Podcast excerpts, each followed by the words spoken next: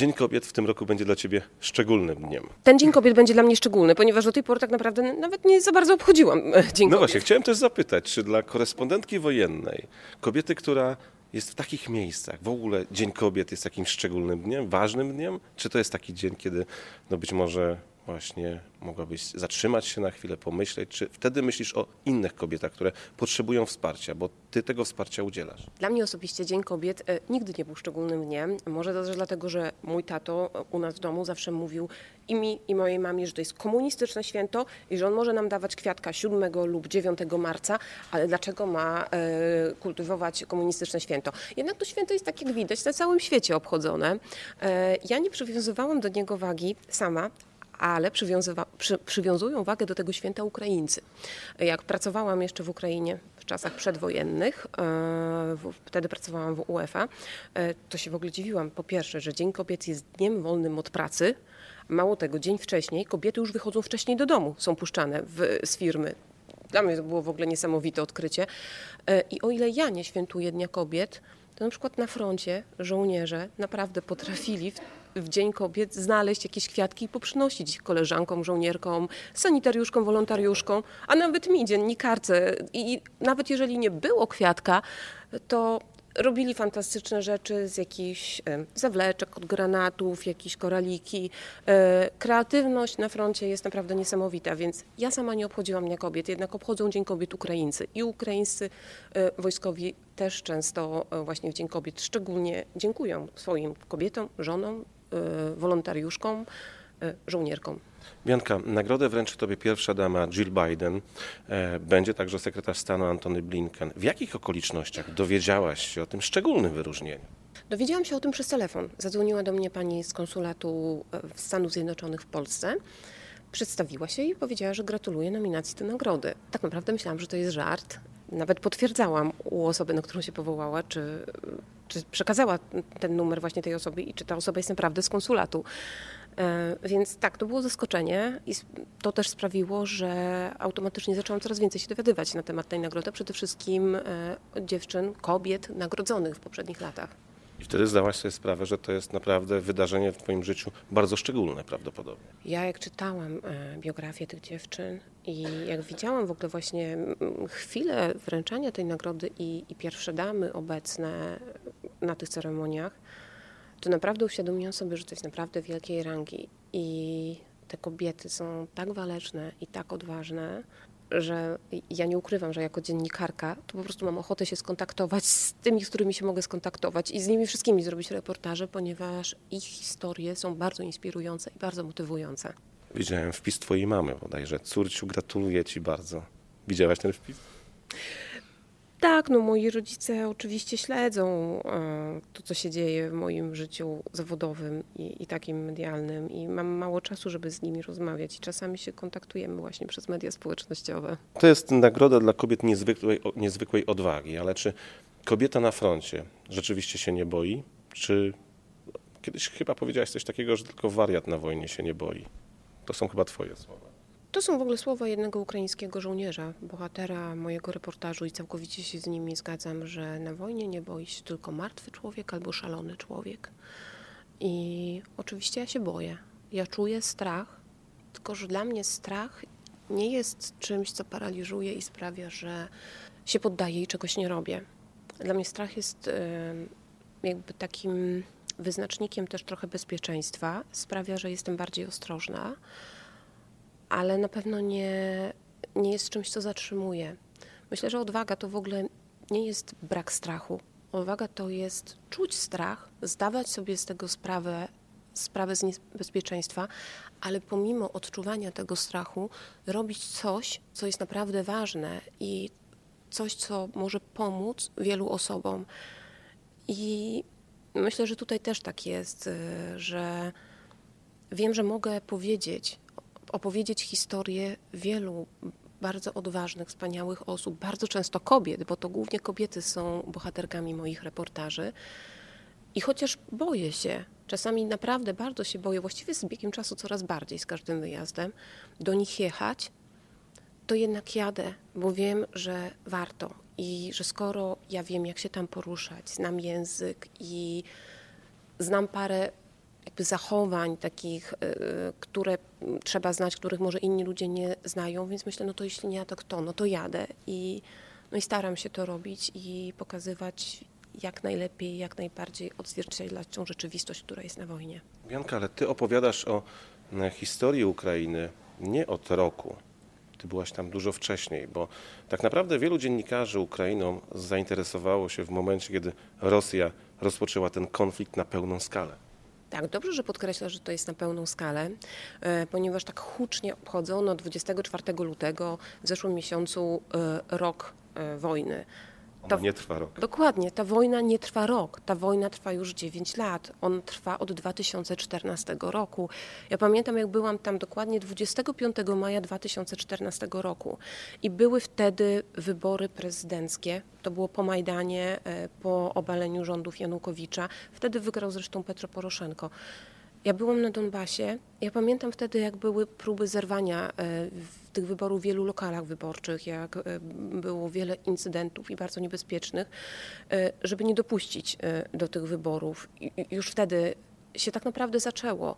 Więc nie możemy mówić, że obchodzimy albo w jakikolwiek sposób upamiętniamy rocznicę wojny. Ta wojna trwa naprawdę wiele, wiele lat i chyba nie ma takiej jednej konkretnej daty. I o tym powiedziałem nie bez powodu, dlatego że chciałem podkreślić, że to nie jest nagroda, uhonorowanie Ciebie za ostatnich 12 miesięcy. To jest za to, co robisz dla Ukrainy i dla ludzi na Ukrainie, e, opowiadając to, co się tam dzieje od wielu, wielu lat. Właśnie, ja nawet tak nie ukrywam, że trochę się zdziwiłam, bo e, w tym roku nagle dostaję nagrodę od prezydenta Załańskiego. E, dostaję zaproszenie do Białego Domu Stanów Zjednoczonych.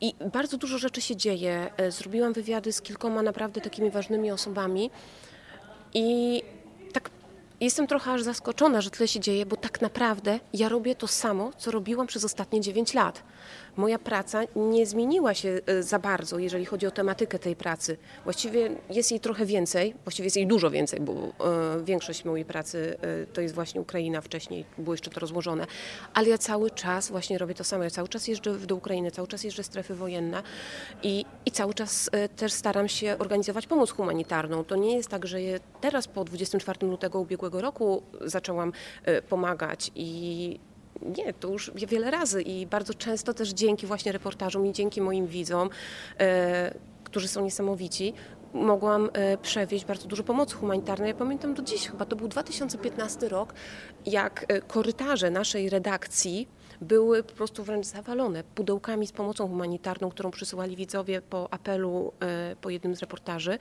gdzie już w końcu ochrona przyszła i powiedziała, że musimy to wszystko zabrać, ponieważ za chwilę wyjścia ewakuacyjne będą zagracone i rzeczywiście wtedy musiałam to wszystko przewieźć do jednej fundacji, z którą to zawiozłam na front. Więc tak, to wszystko e, się dzieje od 2014 roku. Moja praca i moja pomoc również. I o tym pisze Departament Stanu. W obliczu stale obecnych zagrożeń pani Zalewska pozostaje nieustraszona i w dalszym ciągu przyjmuje uchodźców z Ukrainy, rzuca światło na rosyjskie zbrodnie, odpowiedzialnie i zgodnie z prawdą prowadzi relacje z linii frontu i osobiście dostarcza pomoc na Ukrainę. To jest komunikat z Departamentu Stanu. No, piękne słowa o tobie. To, dziękuję bardzo. E, to są słowa bardzo ładnie to jest wszystko powiedziane i ja jestem bardzo wdzięczna e, osobom, które mnie nominowały, które to pisały.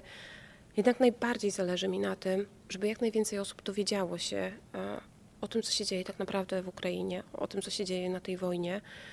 I tutaj trochę się czuję niezręcznie, gdy czytasz takie słowa o mnie, bo to nie ja jestem tu bohaterem. Bohaterami, a właściwie bohaterkami są właśnie osoby, które występują w moich reportażach.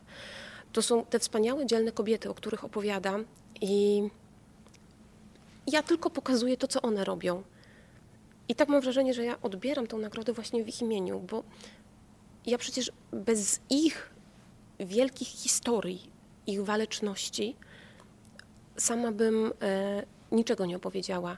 Ja po prostu im zadaję pytania i ustawiam kamerę, a one opowiadają i to jest tak poruszające i mnie też tak to porusza, że ta nagroda zdecydowanie będzie im zadedykowana.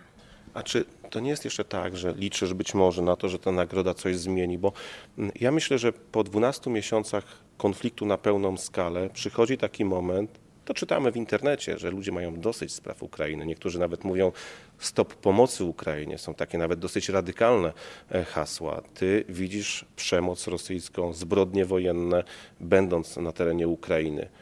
Chciałabyś, żeby dzięki tej nagrodzie ludzie na świecie, bo to nie jest tylko sprawa Polski, otworzyli oczy szerzej?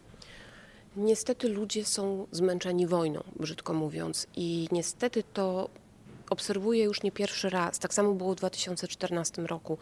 Najpierw wszyscy się rzucili, żeby pomóc, bo, bo przecież na wschód Ukrainy, y, na wschodzie Ukrainy zaczęła się agresja rosyjska.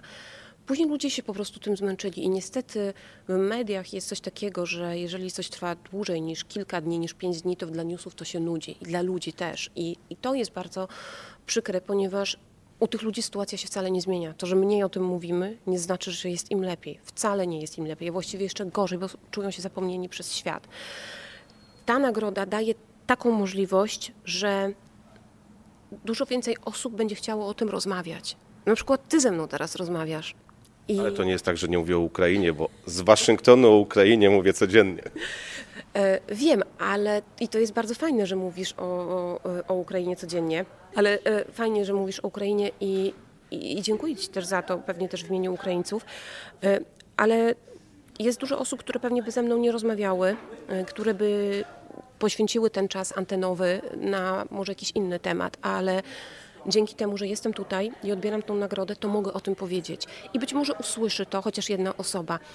I jeśli mogę, to mogę przypomnieć, mogę opowiedzieć pewną e, historię, która się e, przydarzyła właśnie Kiedyś robiłam w 2014 lub 2015 roku reportaże z wojny i tam żołnierze i żołnierki opowiadali w jakich warunkach muszą żyć. To były wtedy bataliony ochotnicze. Armia jeszcze nie była tak profesjonalna i tak doposażona, jak w tym momencie jest w Ukrainie. To byli wtedy ochotnicy, którzy często w adidasach e, szli walczyć. I była zima, brakowało im termobielizny.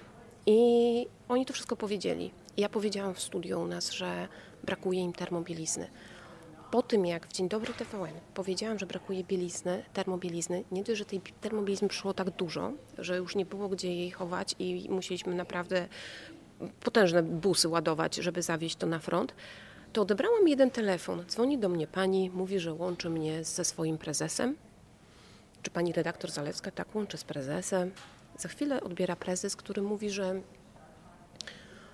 już nie pamiętam, czy on, czy jego żona widzieli reportaż, w którym e, apelowałam, właściwie moi bohaterowie apelowali o pomoc, o, o to, żeby, żeby dać im ciepłe rzeczy, żeby przetrwali zimę na froncie i że on by chciał kupić tir termobilizny. Ja mówię, proszę pana, to jest wspaniałe, tylko że tak naprawdę już tej termobilizny tak dużo zawieźliśmy, że na chwilę obecną to nie jest potrzebne, ale jeżeli jest pan w tym momencie gotowy pomóc, to jest jeden chłopak, on jest wolontariuszem ukraińskim, który wozi właśnie pomoc do batalionów i niestety miał wypadek. Ostrzelali e, jego samochód, e, miał dokładnie takie same złamania kręgosłupa jak ja. Moi lekarze mi pomogli. Jemu nikt w Ukrainie nie może pomóc, a nie stać go na to, żeby przyjechać do Polski. Ja przekazałam jego prześwietlenie, bo mi wysłali jego koledzy do pani doktor, która mnie operowała. Powiedzieli, że pomogą. Niestety nie ma tu ubezpieczenia, więc to kosztuje pewną kwotę pieniędzy. I proszę sobie wyobrazić, że podałam nazwę szpitala, w którym mogą to dokonać. I mówi, dobrze, zrozumiałem. I za kilka dni dzwoni do mnie pani z tego szpitala i mówi, pani Bianko, no, pani u nas się leczyła, więc mamy numer, e, bo dostaliśmy przelew i napisane jest tytułem Operacja ukraińskiego wolontariusza, e, o którym mówi pani Zalewska. Czy pani coś wie na ten temat?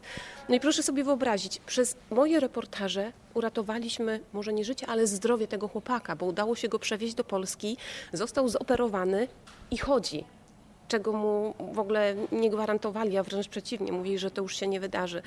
I, I to jest niesamowite, że jeżeli zmieniamy życie chociaż jednego człowieka, jeżeli przez tą nagrodę taki chociaż jeden krótki wywiad sprawi, że ktoś, kto go słucha lub ogląda, że ten ktoś będzie chciał coś zrobić, coś pomóc, być może przekaże chociaż jedną apteczkę i ta apteczka uratuje komuś życie tam w Ukrainie, to już warto. Będziesz miał okazję stanąć obok pierwszej damy, żony prezydenta Stanów Zjednoczonych, od którego bardzo wiele zależy, który przeznaczył ogromne pieniądze Amerykanów na pomoc Ukrainie. Będzie tam szef amerykańskiej dyplomacji. Jeżeli będziesz miała taką okazję, to co byś chciała powiedzieć pierwszej damie Stanów Zjednoczonych, żeby przekazała prezydentowi. Ukraińcy wciąż proszą o pomoc, potrzebują pomocy. Co byś takiego powiedziała Jill Biden? Nie mogę teraz jeszcze tego zdradzić. Ale masz to w głowie ułożone? E, No, oczywiście, że się przygotowuję i, i na pewno będę chciała powiedzieć o tych wszystkich kobietach, które walczą. Na pewno będę chciała podkreślić to, że ja jestem tylko takim symbolicznym przedstawicielem, który odbiera e, tą nagrodę. I myślę, że no, tutaj jest to, co powiedziałeś, bardzo ważne zawsze, te podziękowanie za wsparcie i też podkreślenie, dlaczego proszą o więcej i, i dlaczego to jest tak ważne i tak potrzebne. Bo ja widziałam na własne oczy, co się dzieje w Ukrainie i, i naprawdę widziałam, dlaczego i wiem, jak bardzo mocno ta broń jest potrzebna Ukrainie. Jak uważasz, kiedy ta wojna się skończy? Myślę, że odpowiedź na to pytanie zna tylko jeden człowiek na świecie. I jest na Kremlu. W jakimś bunkrze schowany. Ukraińcy mówią na niego dziadzia z bunkiera. No, tak to trochę wygląda. Nikt nie wie, czy to Sobowtór, czy on, czy się pokazuje. Nie masz takich przewidywań swoich optymistycznych ten rok przyszły? Nie wiem, kiedy to się skończy. Pytam o to czasami moich bohaterów, Ukraińców. Oni odpowiadają w jeden sposób. To się skończy, jak zwyciężymy. I tego Ukraińcom y, życzymy, a Tobie bardzo mocno gratuluję. Dziękuję. Niech Ukraina zwycięży i niech ta wojna się w końcu skończy. Dziękuję za spotkanie. Dziękuję.